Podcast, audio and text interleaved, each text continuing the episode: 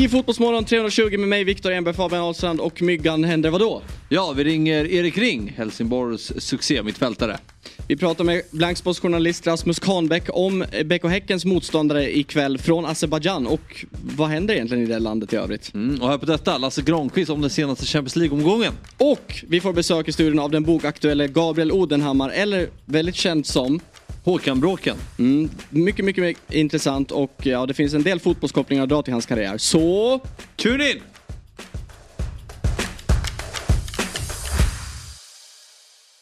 Fotbollsmorgon presenteras i samarbete med Stryktipset, en lördagsklassiker sedan 1934. EA Sports FC 24.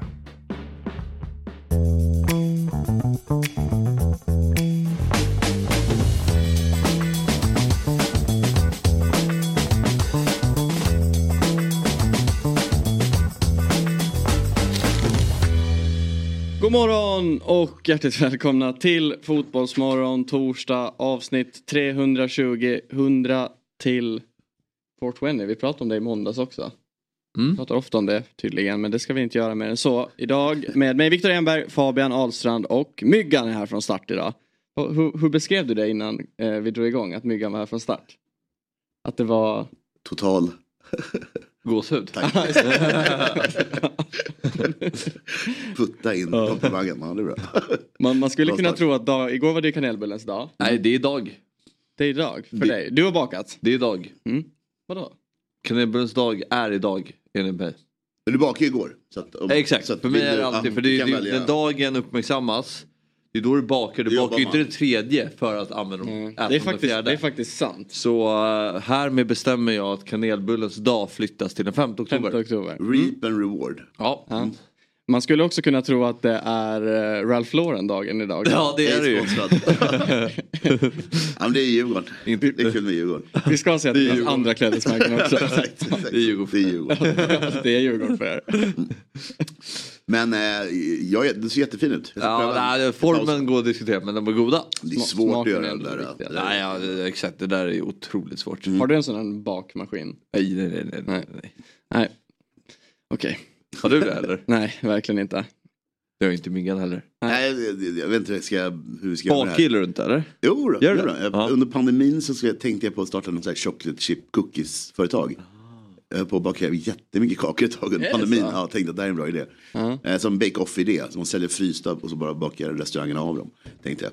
Men eh, då lånade jag min kompis 40-årspresent en sån bakmaskin. Och den står kvar efter 5-6 år. Du har inte lämnat tillbaka Nej, den? Det är lite som. Ove Sundberg. Nej, sådär. men den, den, är bara detalj, vet du det, inredningsdetalj idag. Ja, jag fattar. Är... eh, Är det en, bliva, en kommande liksom, eh, trend? Bakning. Uh, kak, uh, lätta kak... Uh, Jag tror det har varit det. Jag tror att det har gått och... Ja. Men det, kommer nog i cykler. Att folk får feeling för det där liksom. Att det är någon form av härlighet att ge bort kakor eller Mm. nybakta saker. Lite som dig. Exakt. mm. Men äh, vadå en trend? Det känns Nej, men- som att den bara pågår. Ja, Ja, jag, eller? jag, jag vet inte. Nej, men, eh, ja. Så här små kanske Du tänkte sju sorters cookie kakor. vans eller liksom. eh, Ja, nej. Jag vet inte. Mm. Tror på. Uh. Nej, men det finns, det finns, ett, det finns ett, ett, några i Stockholm som kör en sån där uh, kakgrej som är smart. Ja. Som delar ut i ställen som kanske inte har ork eller tid att göra dessert på sin restaurang. Kan man köpa deras kakor istället? Liksom. Nej, Men jag tänker att det har varit liksom i Stockholm har det varit en burgartrend. Att det är fan hamburgerkedja Mm. varannat kvarter typ. Mm. Det kommer inte bli en sån kaktrend. No worries. No worries. Nej, no worries buddy. Man måste göra något speciellt då för hela burgargrejen är ju för att det blev så inne med de här smashed burgers. Okej. Vad ska det vara för cookies då? en kaka är en kaka. Ja. Men vi har ju experten här. Ja. Det är därför jag är intresserad. Men det är också så här, det är produkter Spekulera så, det finns som, eh, priskänsligheten är så hög. Ja. En kaka kostar ju vadå på Eldorados syltkaka kostar väl under ett öre styck om du köper 100 pack ungefär. För några år sedan kanske. Ja men säg en krona styck då. Det är så du säljer en kaka då för 55 ju. Ja. Så att jag, jag tror att det finns ett visst segment. folk ju, går ju på den ändå. Ja, några stycken. Folk gör ju det. Men hamburgare var ju, det var ju rätt billigt också här, den här trenden. Det är 100 spänn någonting. Precis. Så att det var för. Men eh, nu är hamburgaren borta, typ, är det inte det? Det känns som att de kommer att långsamt stänga ner en efter en. Vi håller ju också på med, det är ju Nobelvecka. Ja. Och i gårdagens program så tilldelade vi ju dopingkontrollanter så fick Pontus Jansson avstängd eh, vårt pris i kemi. Just det. Och eh, vi släppte ju även två nomineringar till fredspriset. Eh, Karl-Erik Nilsson på grund av sina, sin utsträckta hand till Ryssland. Och Fifa då för inkluderande av rika länder och rätten till en månad av att kunna lägga goda värderingar åt sidan. Ja. Men Rimligt. Vi eftersökte ju också ytterligare nomineringar och det gjorde vi på vår Insta, Instagram story. Ehm, så för de som inte följer oss där, gå in och gör det. Det dyker ju upp ganska mycket. Och då kan man ju vara med och tycka till och skapa lite innehåll i programmet. Och frågan slängdes alltså ut och vi har, de två nomineringar det landade i, det är... eh, Vilket pris är det här? eh, det här är... För det sa du inte. sa jag inte? Freds. Ja, det är fredspriset, okej. Ja, ja. Eh, Niklas Gides hantering av bråket mellan Janne och Bojan var det väldigt många som ville få in som en nominering. Timeouten. Ja. Ja, för det var inte... Ja, Timeouten. ja, det är bra. Ja, och sen så eh, dyker är det väldigt många som också nominerat Fabian Ahlstrand för Okej. hans diktsamling. Ja. Ja, på litteratur. Nej, Ja, fred. fred. Men, men jag ska komma till det för jag höra? Ja, men då har de tolkat dikten rätt. För att mycket av det jag vill, liksom, det jag vill det ska förmedla är fred på denna jord. Så uh, bra tolkat. Mm. Och dagens eh, eh, pris som ska delas ut då, eller som egentligen blir det morgondagens, men som vi är på idag då, det är litteratur. Mm. Eh, och eh, vi har eh, i redaktionen en klar favorit, eh, färdignominerad in, och det är Stefano Vecchia. Äntligen, ta mig ut i sommaren Ta mig till den strandvägen Vi ska uppmärksamma och hylla talang. Mm. Och, och bra jobb. Då är det han och Dylan. Exakt. Ja, precis. Era scen. Men vi behöver ju i alla fall fler nomineringar. Och vi, släng, vi kommer att slänga ut eh, en eh, omröstning, eller inte omröstning men eh, chansen att eh, tycka till på Instagram där också. Och eh, det var ju som så att i tisdags var vår eh, kommande gäst på Old Trafford för att kommentera Manchester Uniteds fiasko får man väl säga mot eh, Galatasaray. Och igår var arbetsplatsen en bit österut eh, nämligen Newcastle, för att se dem besegra PSG med fyra mål mot ett. Eh, och det hände ju onekligen eh, grejer från start i gruppspelet av den här eh, Champions League-upplagan. Men viktigast av allt så är han ju nu, han är väl kvar tror jag i Newcastle, men han är i alla fall med oss i Fotbollsmorgon. Så vi säger god morgon och hjärtligt välkommen tillbaks till Fotbollsmorgon, Lasse Granqvist. God morgon, tack så mycket och välkommen till Newcastle, precis som du säger. Det är inte riktigt så att ljuset har kommit till oss ännu, men eh, vi är i alla fall igång. Ja, det, Det, låter, det där lät lite som en övergången till en match. Ja, verkligen. Jag känner mig... Över till Lasse. Exakt, det vi kopplar bort nu, vi låter Lasse göra grej exakt. Ja men eh, först och främst då, eh, i tisdags var det Manchester eh, och en eh, onekligen händelserik match. Vad, eh, hur, hur, hur beskriver man det som skedde på Old Trafford? Eh, nej, men det är klart, det är, det är ju två olika historier i, i samma match såklart. Dels är det ju en stor seger för, för Galatasaray. Det är första gången de besegrar i, i Europafotbollen på bortaplan, ett engelskt motstånd och alltihopa det där. Men det var ju också en prestation som var värd att sätta stora utropstecken för. De kommer ju tillbaka och vänder matchen. för Manchester United är det ju mycket som går i moll. Eh, och folk undrar varför och frågorna kommer bara bli fler och fler och det spelar nästan ingen roll. Eh, Rasmus Höjlunds prestation med två mål i matchen, det var ju, han var ju lysande. Eh, kom ju helt, helt att bli, glömmas bort egentligen bakom att det släpps in så mycket mål för Man United. Det är, det är, en, det är en tung vinst att vända, vända underläget till seger med 3-2 på Old Trafford. Och det hördes ju verkligen bland de som var närvarande med, eh, med Galatasarays flaggor och fanor. Ja, jag tänkte säga det. Det, var, det kablades ut väldigt mycket bilder, inte bara från borta sektionen utan runt om på arenan var det verkligen väldigt, väldigt mycket fans till just Galatasaray. Hur, hur upp- upplevdes det på plats? Kändes det som att det var de som spelade hemmamatch? Nej, men det var, det var som, som de sa på Old Trafford, de som jobbar med tekniken där. De, vad var det? De, de sa att det var det är Jens Fjällström som sitter intill här nämligen. Vi dricker kaffe på morgonen. Men han hör... Så att, ni, ni får inte få Jens fotbollsexpertis för han har inga lurar. Men vad var det de sa? Ja, just det. Loudest so far sa de och pekade på. Det, väl, det har ju varit en och annan eh, gä- gästande klack va, på Old Trafford. Men loudest so far var de sa. Och grejen var, de var många fler än bara klacken. Efter matchen så kom de ju liksom springande eller gående över läktaren för att ansluta kortsidan där klacken var och hylla med laget och så vidare. Så att det, var, det var hörbart och, sy, och, och synbart. Får man tänka om man kollar på, var på, på Hovet, kollar Djurgården och Brynäs. Och Brynäs gör mål, det känns som hela Ja, sittplanen jag var det, det, överallt, som, som, som svampar. Vilka är ni? Ja, vad fan, jag tror det var hemmamatch.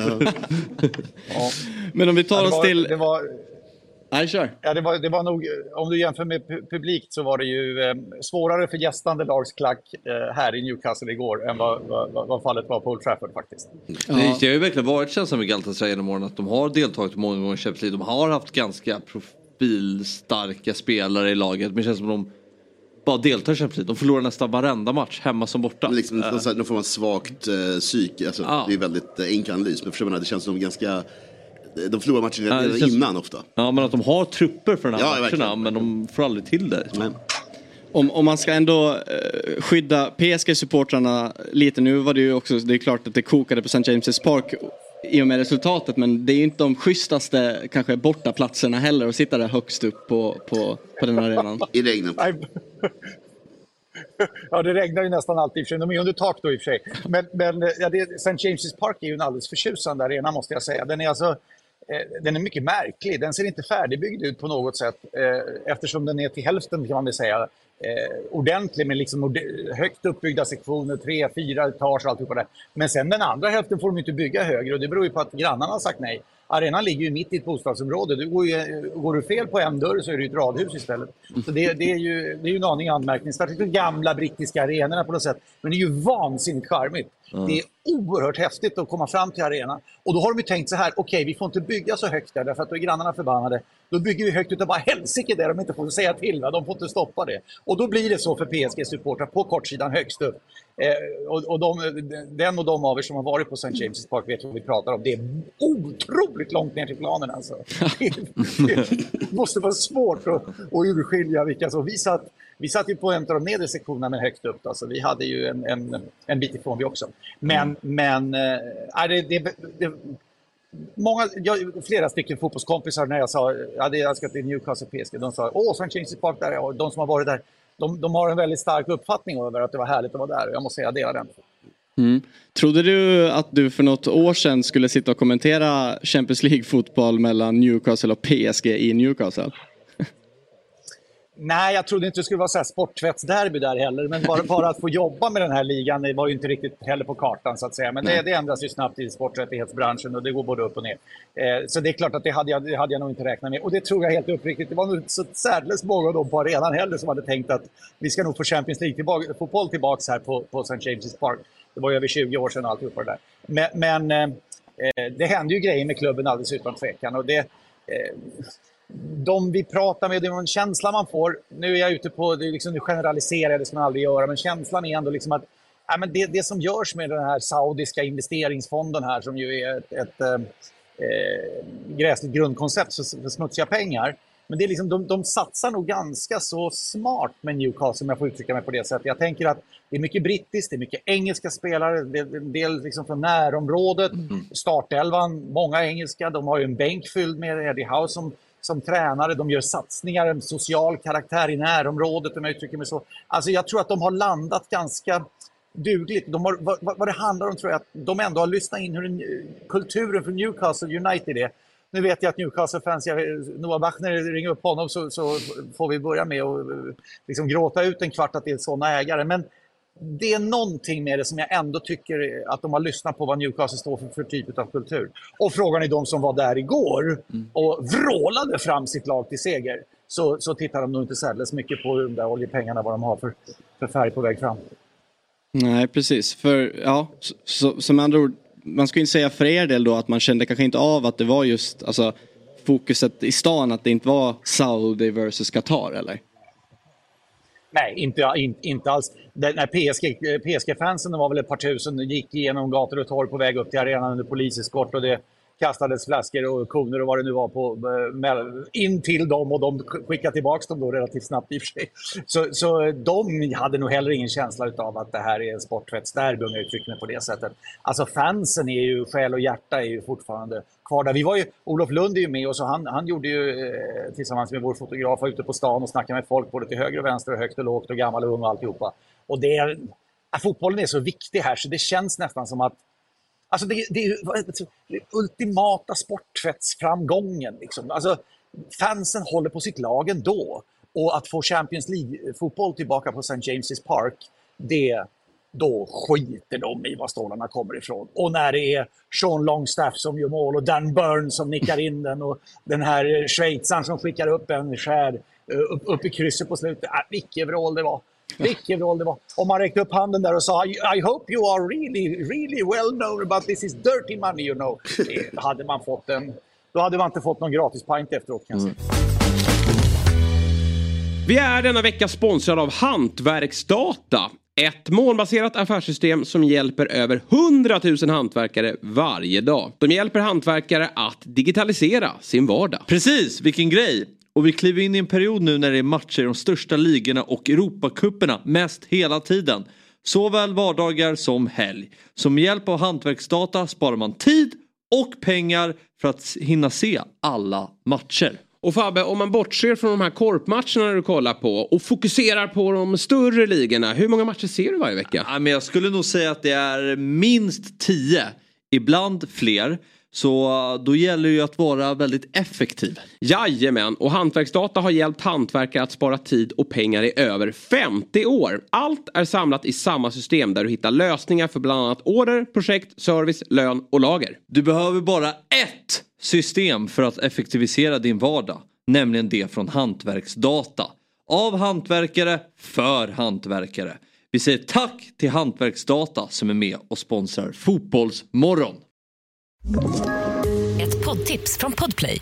I podden Något Kaiko garanterar östgötarna Brutti och jag, Davva, dig en stor dos skratt. Där följer jag pladask för köttätandet igen. Man är lite som en jävla vampyr. Man har fått lite blodsmak och då måste man ha mer. Udda spaningar, fängslande anekdoter och en och annan arg rant. Jag måste ha mitt kaffe på morgonen för annars är jag ingen trevlig människa. Då är du ingen trevlig människa, punkt. Något Kaiko, hör du på Podplay. Därför är gardinerna. Nu ska vi i alla fall ta oss an Stryktipset. Eh, det är som sagt en jackpot på 20 miljoner den här eh, helgen, Myggan. Och eh, jag vet att det kommer, komma, det ligger väl kanske till och med något andelsspel ute. Ni har väl, du har väl till och med gjort, du, du har ju alltid andelsspel men det, det finns en specialkupong också den här. Ja, med, med Sabri. Sabri. Ja. Mm. ett ännu större system. En ännu större, ja. Ja. Det känns eh, spännande. Han ska in och tycka nu idag. Det ska bli kul att se Okej, hur det går. okej, ja. ja. Ja, lycka till Eh. att ni ska komma överens om det. ja, det är liksom nästa, det är dagens projekt. Men här har vi kupongen i alla fall. Och eh, jag tänkte när jag, jag såg den igår när du skickade in den myggan att Fabbe kommer ha svårt att ta in den här. Supersvårt. Det är inte tipsrundekupongen. Nej. Nej det är ju inte det. Och det är ju inte, um, det är inte en kupong i min smak. Nej, Um, helt rätt. sen får man ju... Menar du kupong i din smak att eh, sett till tecknena eller sett till matcherna? Nej jag tittar inte ens på matcherna. Jag, jag ser bara tecknen nu och eh, jag tror ju på uh, tipsrundeteorin eh, väldigt mycket. Eh, så eh, Som då är att det ska vara väldigt utspritt med Exakt, ettor och att- tvåor. Och... I film och ditt liv kommer det vara så här, du vet, eh, musiksegment. Och så zoomar vi in på ditt ansikte och så ser man ettor och nollor. Hur liksom, Någon matrix härva. Eh, men med det sagt, 384 rader har jag här. Yes. Och jag tänker att jag gör någon form av mall på hur jag tror det kommer sluta. Sen så tror jag att för att få de här 20 miljonerna så måste man tänka utanför boxen. Så då får man nästan direkt gå in och titta på hur andra spelat och gå lite emot och hitta, hitta var någonstans man går emot. Men jag kan inte sitta här heller och bara spela emot liksom, en singel två på Brentford på Old Trafford. Det kommer jag inte spela här för det känns eh, galet. Så att eh, jag tog ut eh, tre stycken då, eh, matcher som stack ut lite grann för mig. Eh, Spiken, draget och varningen va? Ja precis, det är de namnen vi använder oss av. Spiken blir Everton. De måste vinna nu. Det, det är liten, och då känner jag att jackpot härvan här. Här kommer ju många ödsla tecken. Här tycker jag vi kan vara, det här kan ju vara en spik. Och så går, mm, har jag hellre mer kryss på United-matchen. Man får liksom tänka lite tvärtom där tänker jag.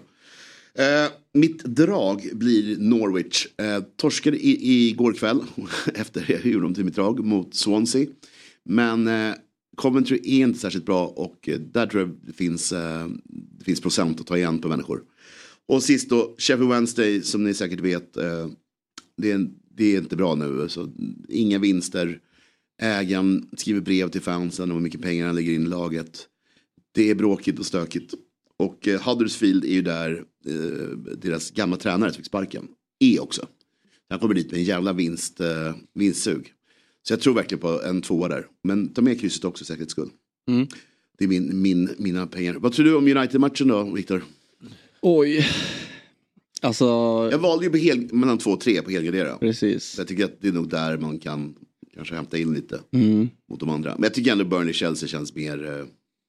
Alltså i dagsläget så hade jag kanske flyttat bort och hållit kryss tvåan på Burnley-Chelsea och helgarderat Man United-Brentford. Men nu Brentford är ju ändå inte- inne i en lite sämre period det, också. Det, det är inte, bra. Sen tror jag att det vänder för United nu. Alltså, det gör ju det. Det kommer, ja, men, jag förstår, men det kommer att göra det som utomstående. Ja. Så att hänga på den när, när det gör det, särskilt hemma tror jag. Liksom. Sen är ju om man ska prata om helgens match mot Burnley var United rent ut sagt dåliga. Mm. Och sen förlorar man ju i förrgår mot eh, Galatasaray på hemmaplan och det ska ju inte ske. Men sen tycker jag ju faktiskt att, alltså, eller offensivt sett i alla fall så var man ju rätt bra och man skapade ju så Ja, ja, extremt mycket chanser. Man hade kunnat gjort så många mål. Så jag, jag hör ju vad du säger men det är ju någonting bara, allt, det är lite Murphys lag över det. Det stilla Allt nu. Vad var det mellan Burnley, Galatasaray och sen till? Vann de ju. Vilka mötte de? Efter Burnley, för det var ju förr, förra helgen. Ja, vilka var efter det de förlorade? De Ja, nej, men oj, ja, Crystal Palace menar jag. Tack, Ja, tack, jag tack, fel, ja. Mm. Ja, nej, det, var, det, det, var, det var. Burnley och sen var det Crystal Palace, och så torsken, och så ja, torsken, precis. Ja. Mm. Nej, det var ju Nej, men jag, tror, jag, jag tror att man, man, kan, man skulle liksom kunna, kunna ta den ettan, liksom, gå vidare. Att där kanske man får vara så här, där blir min, min etta. Och vara glad för att många går emot. Eh, för jag tror verkligen att det kommer att vända förr eller senare. Liksom. Ja, jag såg ändå att Däremot så är ju Esse borta i Crystal Palace. Mm. Det oroar mig en hel del. För det finns ganska lite framåt.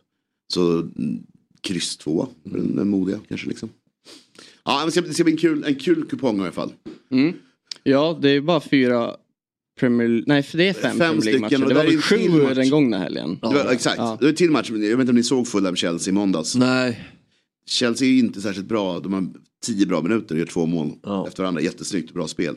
Men sen Fulham, det, de, det, är inte Chelseas, det är inte Chelsea som är bra utan det är Fulham som inte lyckas med Nej. någonting. Det är jobbiga 70 minuter att titta på. Så att eh, för en, också där en helgardering för den, vå- den, den modiga. Såg ni, såg ni bilden när uh, Mudryk som gjorde, sitt, eh, som gjorde mål, men han stod med Pochettino och fått Pochettinos bok? Eller vad det var. Nej. Han la ut på sin story. Pochettino har skrivit någon bok, jag tror den handlar om året i Tottenham 2017. eller något. Oj. Ja. Apropå böcker som bara släpps till höger och vänster. Hej coach. Ja. ja det är bra att han, att han läser i alla fall. Det är ju spännande. Det är så kul att se att bra att han läser, han fick boken. Ja det är sant. Han läser. Men, men också skadad gick av i halvtid. Så att det, det är rörigt. Stackarna. Ja, det var väl tre nya skador, Caicedo Ja, skadade sig Caicedo. också. Fan, Caicedo vilken... Uh, uh, att man, tur att man inte köpte honom för 100... Ja, vilken flopp det kommer bli. vad bjöd vi? det. 125, Ja. 125 miljoner pund för Liverpool bjöd någonting. Helt övertygad. Det var nära ögat. Alltså. Herregud vad mycket pengar. Ja, Jag tror ju i vår eh, podcast Eurotalk Weekend som Samuel Lidsholm och Christian Borell gör, eh, som släpps varje fredag morgon, så hade Samuel en liten take eh, i senaste, eller förra veckans avsnitt just eh, apropå Brighton-spelare som lämnar Brighton för stora eh, summor som in, ingen egentligen riktigt lyckas. Alltså, Nej, och sen mängden, det var efter vi höll på med Caicedo så började de räkna. Så att 17 Premier League-matcher. Något sånt. Och han, den andra vi köpte, Southampton-killen var väl sju eller något. Alltså det, det går inte att köpa spelare för det, det går inte. Nej. Men det, är- det är en bra take. Eh, på om det, det är väl Gattuso mot eh, De Serbi ikväll. Marseille-Brighton. Oh. Där har du något. Ja. Där har du något. Verkligen. Ja, men som sagt, eh, andelsspel eh, finns att rygga på dob.one snedstreck stryktipset eller en QR-kod som kanske dyker upp i bild här eh, som man kan scanna med sin smartphone. Ja, vi jobbar på det. Mm. Eh, ja, det gör vi. Och eh, som sagt, stryk, Stryktipset är en produkt från Svenska Spel, Sport och Casino AB. Åldersgränsen den är 18 år och upplever man problem med sitt spelande så finns stödlinjen.se till hands. Så är det med det. Såg ni också att eh, det släpptes ju en massa info, det är väl inte, inget är ju bekräftat men apropå kommande EM och VM eh, igår. Att VM 2030 ska spelas i tre olika kontinenter och eh, arrangeras av sex länder. Ja, Nej, alltså, det såg jag inte. Jag noterade bara att England fick EM 2028. Ja, vilket med känns ju- Irland, va? Ja, Mm. De drog vilket, sig, drog sig ju, ur så då blev det ju lättare. ja, vilket känns ju väldigt bra. Men jag såg också det här med VM-härvan. Men jag har tänkt på det länge, att det är väl bara en tidsfråga tills det blir så. Att typ en grupp kör i Nordamerika, en grupp i kör i Europa, en grupp, eller hur? Mm. Det borde ju vara framtiden för, med tanke på vilket håll det går åt. Ja, Eller så är det ju. Ja. Liksom, Sverige åker till Australien, ligger där och kör sin grupp där nere och så ligger... ja, du tänker inte att de europeiska länderna spelar i Europa? Nej, nej, nej. Jag tänker att alltså, du lottar som vanligt. och sen ja. så grupp A, det är Sydney, Melbourne och liksom Mm. Auckland. Grupp B är Singapore, Hongkong, Tokyo. Liksom, är du med? Mm. Det är vad jag tror är framtiden. Ja, det är nog inte helt... Vad tycker ni då så här fotbollsromantiskt att det blir utspritt? Vill, man vill väl ha det i ett land eller? Ja, Eller samtidigt... spelar det så stor roll? Alltså, jag kan ju tycka att i Europa när det är EM-slutspel så, kan, så gör det inte mig någonting om det är lite utspritt. Jag tyckte Sen kan jag tycka att det är väldigt synd att så här, Danmark får spela tre hemmamatcher på Parken. Det är ju Det var konstigt. det är en Det jättesportslig För det var ju fördel. roligare än vad man såg framför sig. Man var Ja, rätt mm. på idén. Men efteråt så var det ganska coolt ju liksom. Ja. Men sen borde det vara fler. Alltså, en match överallt istället för tre. Så det var för mycket på samma ställe. Verkligen, generellt. exakt. Mm. Det var bra. Sen tror jag det var jättekul. Jag, jag, gillar, jag reser inte på mästerskap. Men jag har polare som gör det. De är jättepeppade för det här. Nordamerika. Ja det är så. En hel sommar där. Och Ja. liksom hänga runt och vara i Mexiko ett tag. Och sen så här, så att, det kanske folk gillar. Ja. Ja, det är i alla fall It's not for me. 20- 2030 då med tre kontinenter. Det är alltså eh, Europa, Afrika och Sydamerika det blir. Det är alltså värdnationerna ska vara Spanien, Marocko, Portugal. Så man hårdrar ju det också lite. Ja. Marocko är ju grannland mer eller mindre med Spanien och Portugal. Men det blir ju bara en, kon en kontinent till där. Ja. Men sen det, det som är lite snurrigt med det är att de, tre, de första tre matcherna ska alltså spelas i Uruguay, Argentina och Paraguay. Så därav kommer ju Sydamerika in. Och sen är det klart där. Ja, det verkar så. Ja, det är klart. Ja, det Ja, är märkligt. Det är lite Ja, konstigt. då är det Då inte... tror jag mer på min idé att vi, vi kör ett VM i hela världen i Det var långt ifrån myggans Ja, verkligen. eh, tanke om hur det ska Banbrytande utformas. tanke. Ja. Men också om det ska vara i hela världen på det sättet. Att det ska vara så, tänk med alla tidszoner och allt och sen ska man börja flyga runt och vara Nej, nej, nej. Du, du, sitt, du är ju, Sverige är ju Australien, hela gruppspelet. Ja men jag menar sen till slutspel och sånt. Ja men då är det liksom paus ju. Så åker du, då, då blir det i Egypten och Okej, sådär. vadå paus? Nej men du har ju några dagar däremellan ju, Ja. Så att du hinner liksom eh, ta Det är igen som rugby-VM, det pågår väl i månader? Ja, men det är inte? bara för att de är skadade. Ja, jag det är liksom, Nej, Myggan, du får evigt. skissa på din eh, VM. Ja. Otroligt ointresserad av, av allt som heter landslagsfotboll. Vi är tillbaka i Fotbollsmorgon torsdag och som sagt vi har en gäst i studion och för de allra flesta är han känd som Håkan Andersson, Sunes lillebror, eller Max Svensson, son till Gustav Svensson. Men det här är länge sedan nu och Håk Max har hunnit växa till sig, lämnat skådespelarlivet bakom sig, gått igenom en tyngre perioder och gett sig på författarskapet. I september släpptes boken Det här ska han få fan för. Boken om att spela Håkan Bråkan, Max och om mig själv. Vi säger god morgon och varmt välkommen in i Fotbollsmorgons extremt varma studio. Gabriel Odenhammar. Ja, men tackar, tackar. Eh, vilken, eh, vilken härlig morgon. Visst, du har fått lite kanelbulle här. Ja, du, du, kanelbulle i, i perfekt storlek ska jag säga. Ja, tack. Eh, eh, den är precis lagom. Hur smakar den då? Eh, jag, men jag tycker den var jättegod. Nu måste du Ja men jag har smakat på din bulle. Jag en bit till här. Jag ville vara hårdare. Ja, du ville vara hårdare, men du jag tyckte det var god. Ja, jag var så här, Ja. Den är god. Man skulle vilja ha värmt den lite. Ja. Jag gjorde faktiskt också kanelbullar igår. Jag skulle säga att din var bättre. Mm, tack. Det är ju första Fabianbullen jag äter. Ja. Måste jag säga. Jag med. Bakverket. Dock inte den sista. Nej. Ja, det hoppas jag. Mm. Du är fina med det här. Ja men vi har mycket att prata om såklart med dig. Men först och främst, vi brukar ju ställa frågan till våra gäster. Vad, vad är din relation till fotboll? Eh, alltså min relation du, du, du, du, till fotboll är ju väldigt eh, stark. Alltså jag spelade i fotboll hela min eh, uppväxt. Eh, spelar ingenting idag, funderar på att börja ta upp det igen.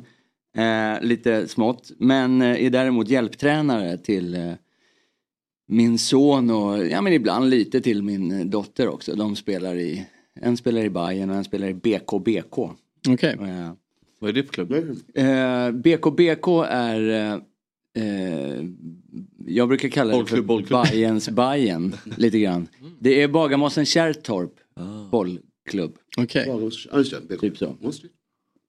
Du? Lite Bayerns Bayern. Nej, nej men det är en ganska men lagom stor förening liksom i söderort. Håller till på Kärrtorps IP och Bagarmossens IP. Vad är du som själv innan? Eh, eh, Då spelade jag, jag var ju med faktiskt, eller min bror och en polare till honom startade IFK Aspuddens A-lag.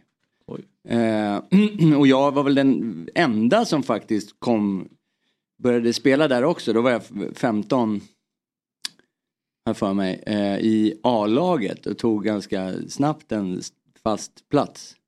Kanske på grund av att jag tog hand om ekonomin också. Nej men jag var, nog, jag var nog hyfsad då men mycket gick ut på att festa och ha roligt. Framförallt startades det A-laget för att grabbarna, de yngre, skulle ha någonting att se fram emot. Eller se upp till. Och det vet jag inte om de kunde göra de första åren när vi harvade i åttan liksom. Nej, harva, så vi spelade väl två, två år i varje division ungefär. Så här, åttan, sjuan, sexan. Sen var målet att ta oss till femman. För då fick vi spela på vårt eget gräs. Aspuddens IP, denna anrika. Den håller du högt. Ja, ver- verkligen. Synd att gräset inte är kvar. utan ersatts till konstgräs. Nej, men, eh, precis. Det var ju gräs när vi höll på då.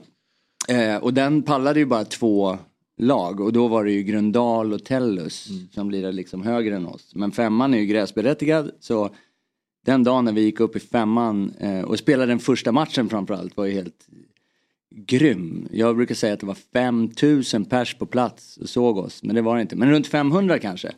Och det, det, samma dag så var det faktiskt eh, damallsvensk typ finalmatch eh, samtidigt. Ja, där, Viktor Gyökeres. Ja, nej men visst. Herade, just det. Ja, jag tänkte säga det, apropå det. Ja. IFK Aspen har ju verkligen ändå kommit upp i ropet senaste tiden i och med Gyökeres övergång till Sporting och så. Jag tror vi hade med oss Vi hade med chefen för några för, veckor eh, sedan. Eh, jag kommer inte ihåg anledningen. Men ja, men det ju- var väl att det kom in pengar i, i klubben helt enkelt. Ja, men exakt. Ja, men är du, du, ser du dig själv då som den näst största talangen i Eh, klubbens historia efter ja, Viktor? Lite ödmjukt ändå. tre, tredje Ja. får det bli här då. men, nej men, eh, nej, men så, jag tror, jag, jag kan inte ta gift på det här, men jag, jag har ju spelat fotboll för Viktors pappa spelade i, eh, i, i eh, Aspuddens A-lag. Och hans eh, farbror blir det, var både tränare och spelare. Jag, har, jag brukar säga att, för vi startade IFK Aspuddens fotbollsskola som vi höll varje år. Det var A-laget såg jag till som höll i den för att ja, men det, det kostar att bedriva den där verksamheten och vi var tvungna att liksom sådär. Eh, och det var skitkul. Eh, och då vill jag påstå att Viktor var ett av barnen som gick i fotbollsskolan. Okej. Men detta skulle kunna vara lögn för att han var lite för ung då. Men det är roligare att säga att det är sant. ja, då, har, då är det ändå jag som har fostrat honom. Ja, exakt. De fyra dagarna. Hur ser kontakten ut idag? och, det, och det tycker jag är viktigare än min egen Vad hade du för klausul i övergången till Sporting? Ja, nej, precis. Jo, men det rann in lite. Jag kunde ju ge ut en bok liksom. Ja, exakt.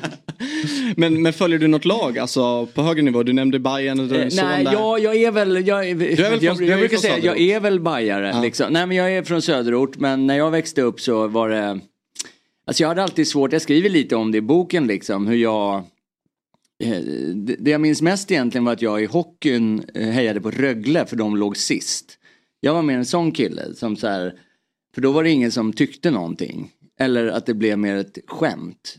För att jag höll på med så jäkla mycket annat när jag var liten. Eh, Eh, och, och då blev det viktigare att liksom kunna typ eh, glädjas med vilka som än vann. Så som var jag, inte så här kappvändare utan jag tyckte det var kul när folk var glada typ. Eh, sen blev jag bajare 2001 kan man säga. Eh, Undrar varför? Ja, så man kan ju säga att jag var medgångssupporter. Men det ni inte visste, tror jag, det var att under hela det, det året, den säsongen, så jobbade jag och min bror med att sköta reklamen på Söderstadion, gamla anrika Söderstadion. Så vi var där en timme, en och en halv innan match, lyfte upp de här, på den tiden var det inte de här digitala, lättare skyltarna, utan de var de här tunga, vägde 120 pannor styck liksom. Och så rullade man ut dem på vagnar, satte upp dem längs hela långsidan och kortsidan. Och sen satt vi bakom ett av målen eh, med en, en dosa där det bara var on-off. Och de, de enda liksom reglerna eller vad man ska säga som vi hade oss förhålla oss till. Då kunde, vi såg ju matchen på nära håll liksom när Johan Andersson smällde in en frispark, för övrigt en Aspuddare. Ehm, eh, rätt upp i krysset liksom och Hermansson och, äh, jäklar vad kul det var. Eh, men då var det liksom, var det, var det frispark eller straff i farligt läge, då skulle man dra den på off. För då skulle reklamen stanna. Eh, så att inte tv... Ja, Eller så att inte ja. kanske straffskytten skytten. störde. Ja. Men typ så. Det var, det var den enda. Så där satt vi. Sen var matchen klar och då, eller matcherna. Det var hela den säsongen liksom. Kanske inte alla matcher men eh, eh, nej, publiken började lämna och spelarna liksom. Vissa joggade väl av sig. Mm. Vissa drack bärs. Medan vi plockade ner de där skyltarna och rullade in dem igen i katakomberna liksom och smög ut bakvägen. Och gick ut och drack bärs såklart. Vilka år att välja, eller vilka år att ha det gigget på ändå. Ja, nej men det var ju så. Alltså det var ju helt, helt eh, galet.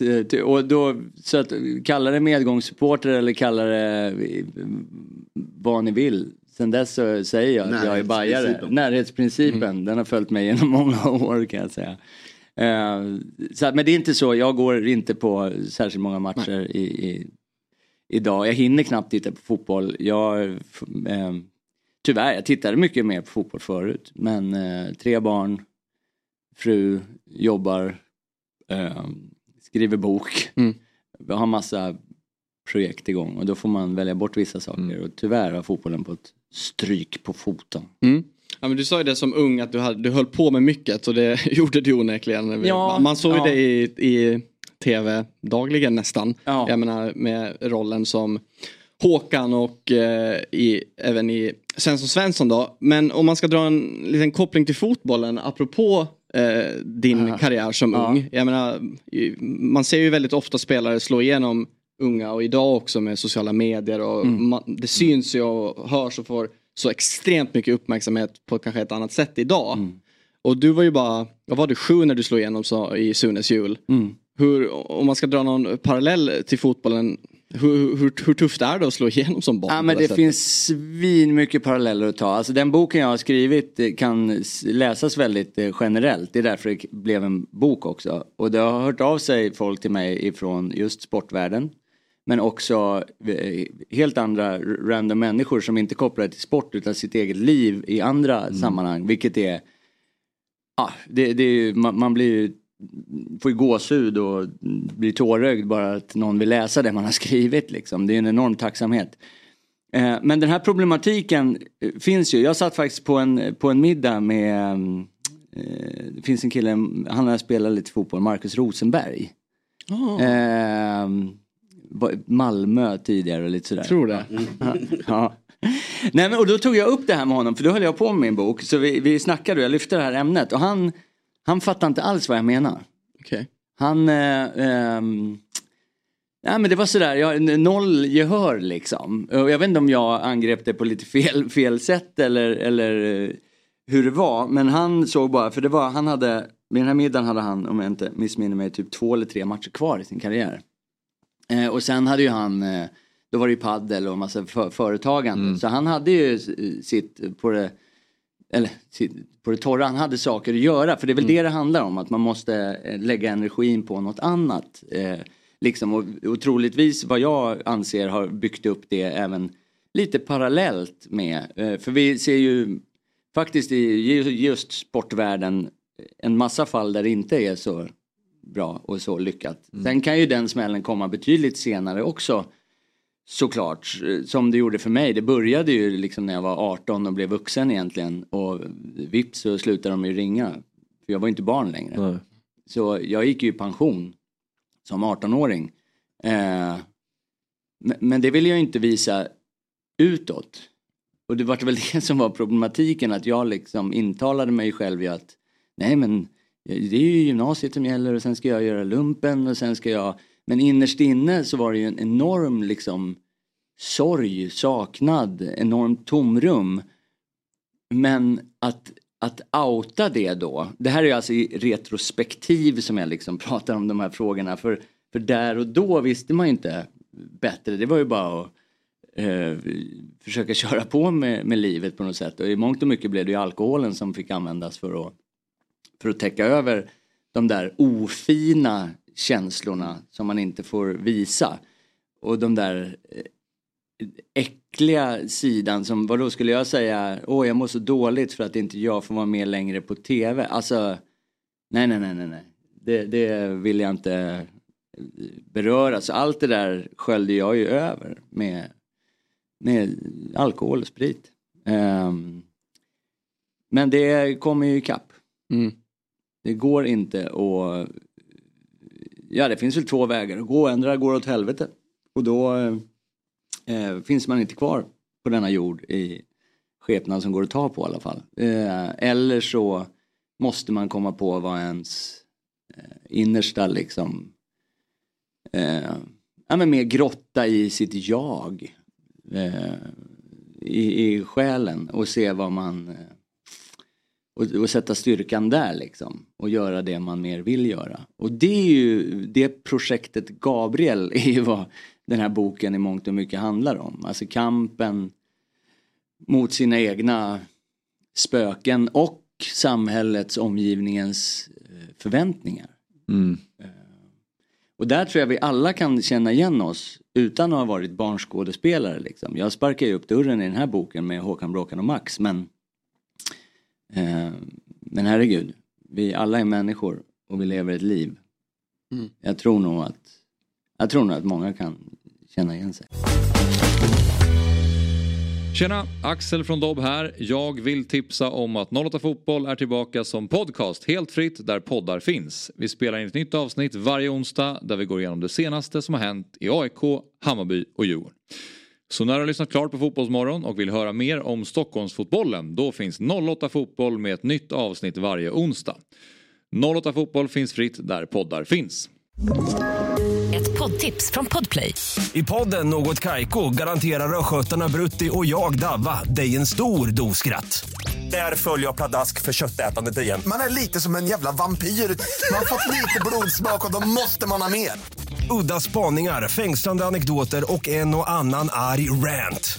Jag måste ha mitt kaffe på morgonen för annars är jag ingen trevlig människa. Då är du ingen trevlig människa, punkt. Något Kaiko, hör du på Podplay. Därför är gardinerna. Det är en jäkla bra liknelse det här med fotbollsspelare. Att så här, man säger ofta att eller rådgiva fotbollsspelare att förbereda sig för efter en karriär. För det kan ta slut så här med skador och så. Eller Mm. i alla fall att man inte bara sitter där och är dum och eh, inte gör någonting efter en, en spelarkarriär trots att man har mycket pengar. Utan att man ska förbereda sig. Var det någonting som du tänkte på? Det är svårt kanske som 12-13-åring att Mm. så här, det kan ta slut. Jag blir vuxen, då kanske inte lika många som vill ha mig. Men... Nej, jag känner väl att kanske att folk sa det till mig. Jag kommer ihåg att mina föräldrar pratade mycket om att det här, eller vi pratade med varandra om att det här var en hobby liksom. Och att det här kan ta slut när som helst och la la la la la. Men, men det fortsatte ju för mig i liksom 11 år där det ena avlöste det andra. Och då var det ju inte bara, alltså mellan, mellan Sunes jul var det första. Eh, 1991. Eh, sen var det Sunes sommar 1993. Alltså däremellan hann jag göra två föreställningar på Stadsteatern som folk kanske inte känner till lika mycket. Då spelade jag Macbeth och Det susar i säven. Plus att jag började dubba tecknad film och användes kan man säga av SVT att man var med i såna här lekprogram, Prat i kvadrat och såna här grejer. För att göra reklam för det som, ja, och så vidare.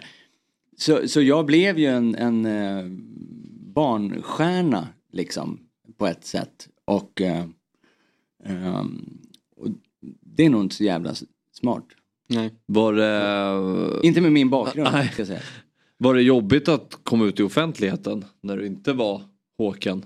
Jag tänker Eh. att vi pratar om att gå på fotboll eller vara på fotbollsträningar eller vara i skolan. Eh, Ja, både och. Jag, jag beskriver det här i boken hur det var för mig med lite enskilda stories liksom. Hur, eh, hur jag någon gång liksom på en fotbollsplan så använder jag mig själv för att få laget att tycka det är intressantare än bollen och mitt lag gör mål liksom. Alltså det är ju great. Eh, det, var, var på sen tränaren trodde jag att jag var redo att gå in och bytte in mig men det ville jag egentligen inte alls utan jag gillade att sitta på bänken och kolla för jag var inte, så, jag var inte alls duktig på fotboll när jag var liten eh, utan det var mer någonting jag hoppade in i för att alla andra spelade fotboll och för att ha ett sammanhang liksom. Det räcker för den tredje största talangen. Ja, ja precis. Ja, jag kände ju det att jag kommer inte bli störst så det är ingen idé.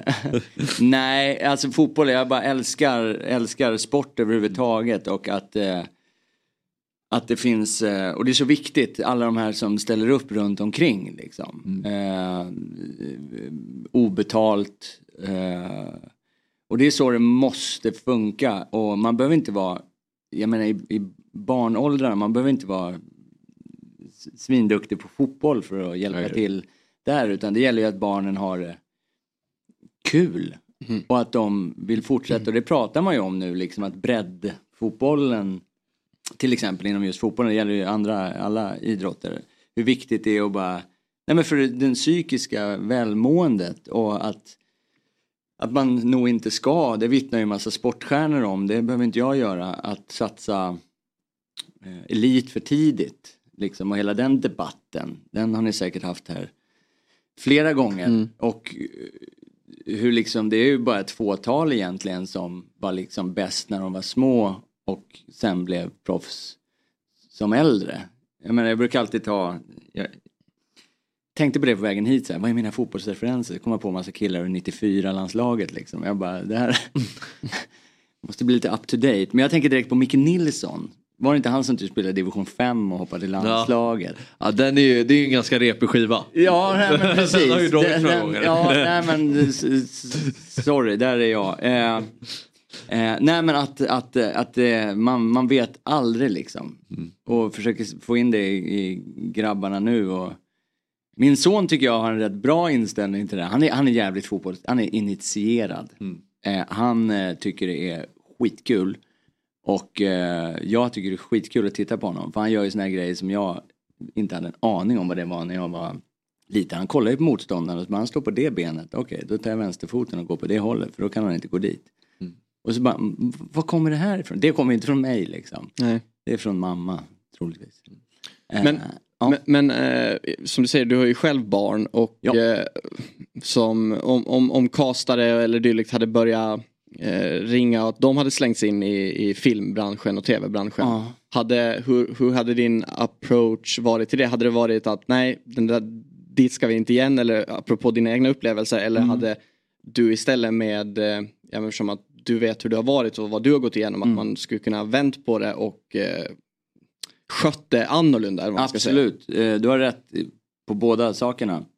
Nej, men så här, jag kan berätta en story om när jag går hem från skolan med barnvagn med den yngsta och så är det min dotter som är nio år idag och hennes kompis. Eh, och då berättar kompisen för henne, de kanske går fem meter bakom, kompisen berättar att hon har sökt en roll. Eh, varit på audition, sådär, eller casting. Eh, och vad på min dotter säger då, eh, vet väl inte att jag hör, men säger då att Åh, jag skulle också vilja göra det men pappa, pappa låter inte mig göra sånt.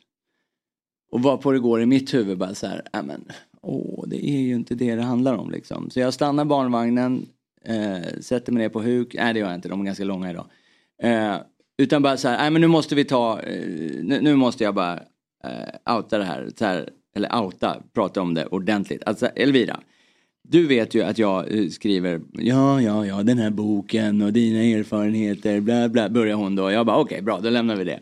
Eh, eh, men så här är det, att eh, jag kan inte från min sits vara den som, jag kommer aldrig trumma in dig i den branschen. Jag kan snarare pusha om det gäller liksom simningen eller fotbollen eller någonting sånt inte pusha, men ni fattar vad jag menar. För det är det, mina föräldrar gjorde aldrig det i den där branschen jag kommer ifrån. Eh, men så sa jag, om du vill göra audition eller, eller söka in och skicka in self-tapes eller vad det heter nu för tiden. Jag har ju typ aldrig gjort detta själv liksom. Eh, så är det klart att du ska göra det. Men du måste gå via mamma. Du får inte, det, du kan inte gå via mig liksom. Så det gjorde ju hon. Eh, gick via morsan och fick hjälp att spela in och skicka in till en roll i Bam, bam, bam, Sune-film. och kom på audition och, och fick höra att hon var jätteduktig och bra och, eh, men fick inte den rollen och jag bara phew. Fy fan vad skönt. Eh, Men självklart hade jag stått bakom henne till 110 procent. Eh, Och troligtvis, där kommer ditt andra påstående, varit en av de absolut bästa föräldrarna. Mm. För att det inte ska barka dåligt för henne. Sen kan man aldrig, aldrig, aldrig veta. Men så fort du tar ett barn och stoppar det i ett vuxet sammanhang så påverkas barnet. Det är min så här enkla tanke. Gör du det fler gånger så påverkas barnet mer. Dana! Eh, Jag finner en slags logik i detta. Mm. Eh, jag vet inte om ni känner samma. Och det här kan man översätta i flera olika sammanhang. Det vill säga till exempel det här med att, eh, att elitsatsa för tidigt. Att barns hjärnor funkar liksom inte på det sättet. De, det blir ofta som att bygga upp. Det som hände mig var ju att jag gjorde allt det där på tv men det kunde jag ju aldrig prata om i skolan. På grund av två anledningar. Den ena var att ingen hade en aning om hur det var att jobba. Så jag hade, referenserna var ju noll hos de andra. Eh, visst, de kunde vara nyfikna och fråga och jag kunde svara. Men hade jag börjat prata om det och liksom, där, där, där, då fanns ju risken att de skulle tro att jag var någon för mer. Och det var det sämsta eh, enligt mina föräldrar och den uppväxten jag har. Eh, så att det blev ju att jag inte pratade om det där. Och sen hade vi hemmet, då hade min, mina föräldrar tre barn. Jag yngst och så två äldre syskon. Eh, och eh, de var ju tvungna att få sin beskärda tid av mamma och pappa. Och så hade vi jobbet då. Eh, nästa scen, nästa scen, nästa scen, vi ska framåt. Det slutade ju för mig i att det här var ju en, en grej som jag fick bära i, i bröstet. Enkom skulle jag vilja säga, nej inte enkom men absolut mest bara positiva erfarenheter.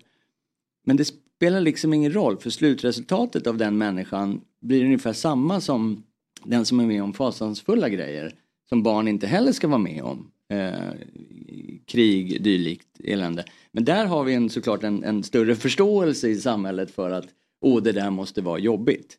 Medan den liksom förståelsen existerar inte från min sida utan det är ju snarare shit du har ju haft allt, du hade den bästa uppväxten, du fick göra så jävla mycket. Och ska jag då må dåligt, det blir ju som buhu buhu liksom, vem fan bryr sig? Men det är ju det jag har tragglat i och kommit fram till att vad det egentligen handlar om är inte vilka erfarenheterna är utan det är om de är obearbetade. För då blir det ju bara ett bagage liksom. Eh, men om du bearbetar det då, och packar upp bagaget, ta fram väskan och titta på vad fan var det jag fick, fick egentligen. Eh, inte förrän då så blir ju bagaget erfarenheter att faktiskt växa av och kunna använda. Eh, och det är ju generellt. Det gäller ju inte bara den här historien. Och det är väl det jag har kommit fram till funkar för mig i alla fall. Eh, och eh, eftersom jag är människa och jag tror att vi alla människor är ganska lika. Kanske det kan funka för någon annan. Mm. Ä- Är du, ja alla klassiska artiklar, eh, det är Håkan idag eller det eh, Mm. gör Håkan idag. De, man får ju alltid upp dem i sina flöden, Ja. eller kopplat till andra. Ofta, det har varit mycket till Astrid Lindgren-filmerna, det är eh, Farbror Melker eller, och så vidare. Och så vidare, Ja. och så vidare. Hur, när, när sådana har dykt upp genom åren, jag vet, inte- nu vet inte jag hur din relation har varit, att du har helst bara inte velat blicka tillbaks mot det, att du nu idag då du skriver en bok om Ja. det och kanske pratar om det mer, men hur, hur, hur, hur har den ansträngningen Ja, men det har varit en så här dualitet i det där liksom. Eh, som om jag inte har vetat om jag ska spela anfallare eller försvar. Bra. Boom. Nej men saken är den att jag har, alltid, jag har alltid svarat när de har ringt om det är så i Aftonbladet eller någonting och så här, vill du prata om det? Ja men det kan jag göra liksom. Och så har jag berättat hur, och det här nu pratar jag om genom åren liksom. Eh, och jag har inte haft något emot det utan snarare sett som en sån här ja, men lite halvt skyldighet att faktiskt prata om det. För att på något sätt, ursäkta, upprätthålla eller så här, eh, men den kulturen, eller det Håkan Bråkan och Max. Att jag har känt kravet på mina axlar och en skyldighet till de produktionerna. Att eh, berätta hur kul jag hade när vi spelade in det och allting. Vilket är sant. Eh, men det har jag ju berättat så mycket och inte om det här andra. Som jag, och anledningen till att jag inte gjort det tidigare är ju för att jag inte har, har eh, tagit tag i det ordentligt förrän nu när jag skrev boken liksom. Och nu känns det så jäkla skönt för nu kan jag vara öppen och ärlig om hela mitt liv.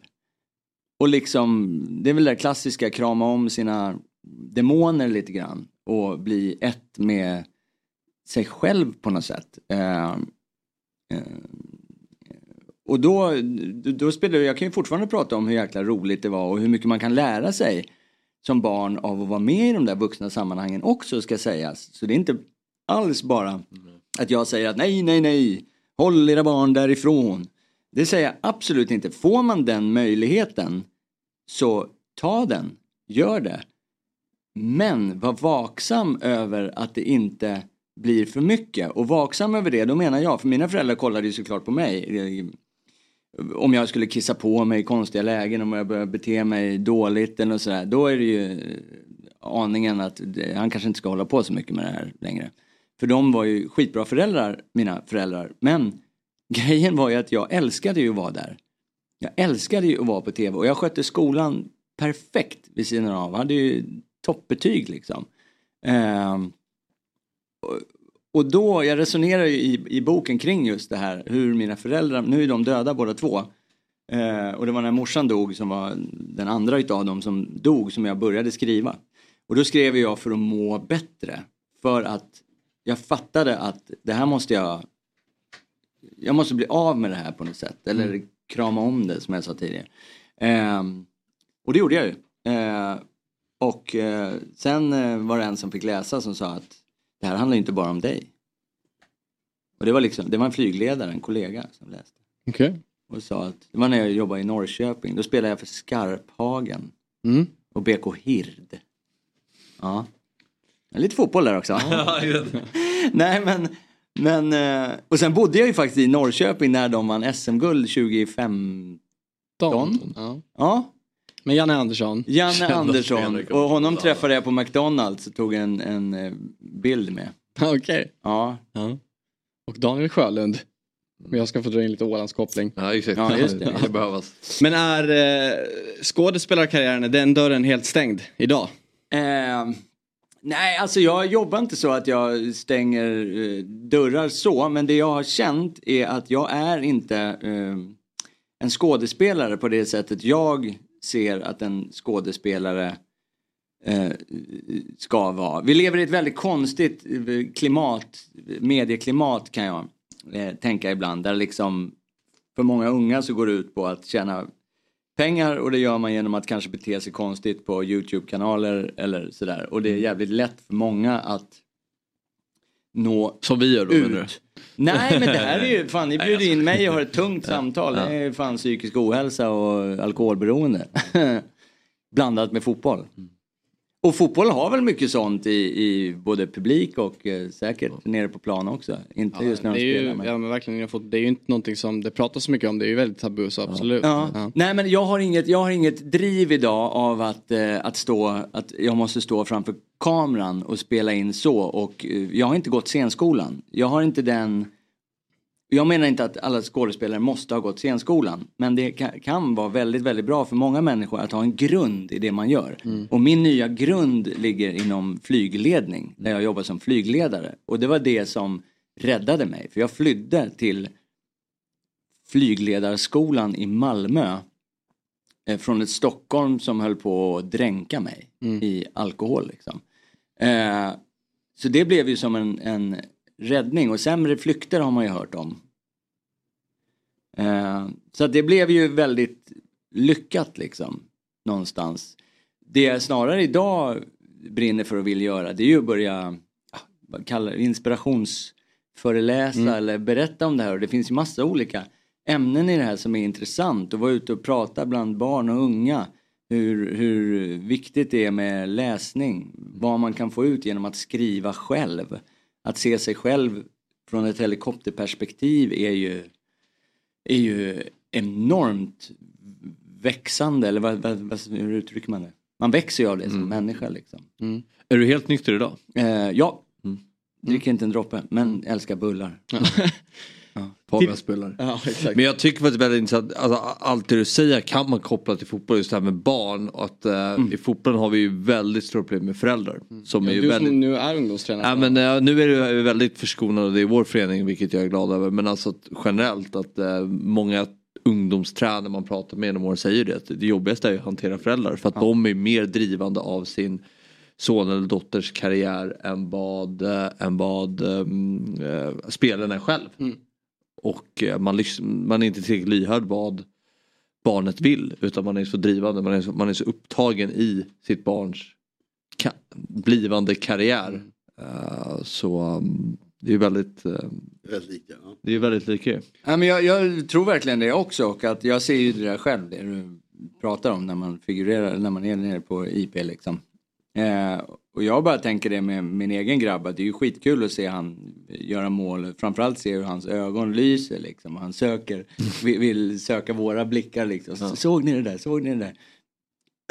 det som är bra med fotboll, framförallt innan det börjar med elit, känner jag, det är att du ofta är grabbarna i klassen, eller grabbarna och tjejerna i klassen ska sägas. Eh, för då pratar de om det i skolan. Det är ju reflektionsdelen av det hela.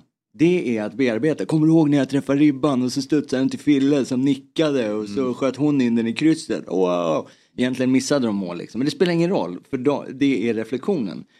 När du börjar elitsatsa då samlas ett gäng som ofta inte ens går i samma skola kanske. Då blir det en mycket mer egen grej. Eh, eh, Och då kan det vara svårt beroende på vad man har för föräldrar och så. Att eh, ens kunna prata om det.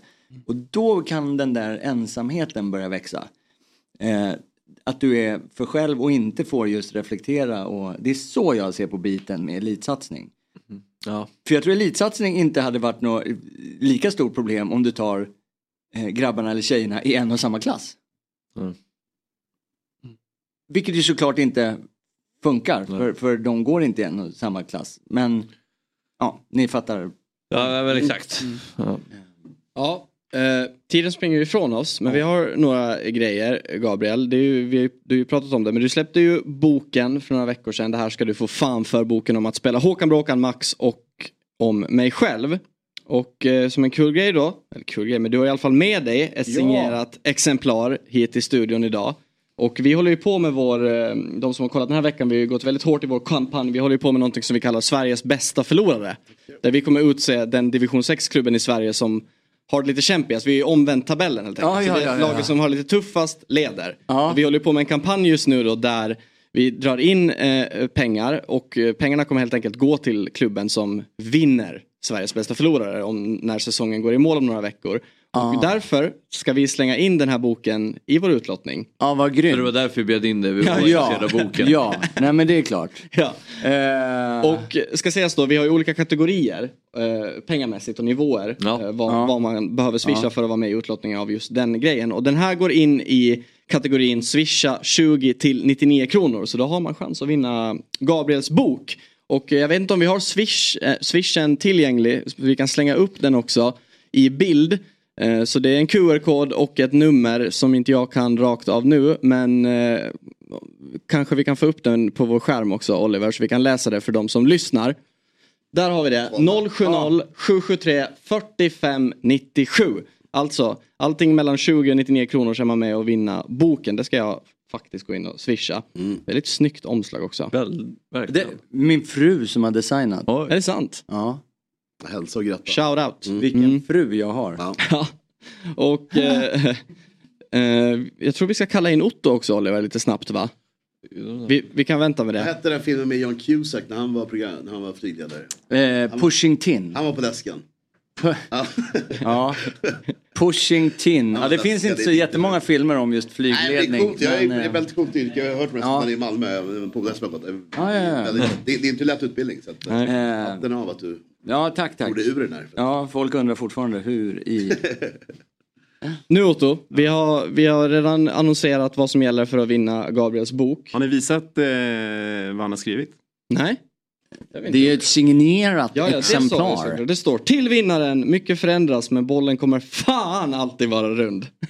Jag kan också säga att det, är, det bara trillar in swish nu. Nej, Det är poppis. är det sant? Fy fan vad... Jag tror det är tio stycken redan på Hjärtat. en minut. Wow, wow. Eh, nej men... Eh, Var det mina allihopa? Precis, det, jag antar det. Vi, har ju, vi har också en eh, kväll med Kakan på spel, men då är det tusen spänn. Just det, just det, just det. Ja, men det, det, det är också jävligt coolt. Ja, men så att vi eh, lottade ut två vinnare igår. Eh, och den eh, ena är kontaktad och blev glad och ville ha det skickat till sig. Den andra tackade nej. Till priset. Hon kände att nej men jag kan vara med och bidra men eh, ge det till någon annan. Ja. Så att vi, den, den gamla eh, utlottningen i den här Swish-kategorin 20 till 99 utser vi en ny vinnare till nu. Och det blir, ska vi göra virveln igen? Ja. Eh, vilken är det? Ja, där har vi och vinnare är Simon Olsson! Oj, oj, oj. Ja, så gratt, det kan ju vara Elfsborgsspelaren. Eh, vi får se. Men grattis Simon Olsson. Eh, och så drar vi snabbt den eh, andra vinnaren för dagen som får då ett, tre klistermärken, Fotbollsmorgon och en... Eh, Popsocket. Popsocket. Då kör vi. Dagens vinnare av en Popsocket och tre klistermärken är David Pettersson! Hey! Stort grattis Simon och David. Tack för mig. Tack. Och, imo- och imorgon kommer vi låta ut Noah Bachners bok och eh, matchtröjepaketet. Ah. Så om man vill ha med info, det enklaste är nog att gå in på vår Instagram. Där har vi ett inlägg med alla bilder, priser, vad som gäller, info, allt. Ja. Så är det med det. Eh, Gabriel, Yes. stort tack för att du kom hit idag. Ja men tack för att Verkligen. ni ville ha mig här. Jag var lite så här fotbollsmorgon. Nu måste jag... Men det var ju lite Det är många som har tänkt så innan. fotbolls, Ja. fotbollskoppling och fotboll har varit en stor del av mitt liv. Så, nej, det var en ära att få komma. Ja, nej, vi är väldigt glada att ha det här. Ändå en legendar får man väl lov att säga. Ja, verkligen. Ja. Jag trodde inte att när jag var barn och satt och kollade på de här filmerna att jag skulle sitta och prata med Håkan här några år senare. Så det Och att han, ska man vara hade, glad och att över. han kunde skriva en bok. Jaha. jag har ändå skrivit Du har den skrivit den helt själv? Ja, men jag lyssnade när du blev vän med vår vän också Robin Berglund som brukar Ja. sitta här. Ja, ja, ja. Lyssnade jag på igår. Väldigt bra samtal. Så vill man höra mer eh, om Gabriel så kan man ratta in Mina vännerboken eh, Robin Berglunds podcast. Fotbollsmorgon är i alla fall tillbaks igen imorgon 07.00. Vi ses då. Fotbollsmorgon presenteras i samarbete med Stryktipset, en lördagsklassiker sedan 1934. EA Sports FC 24.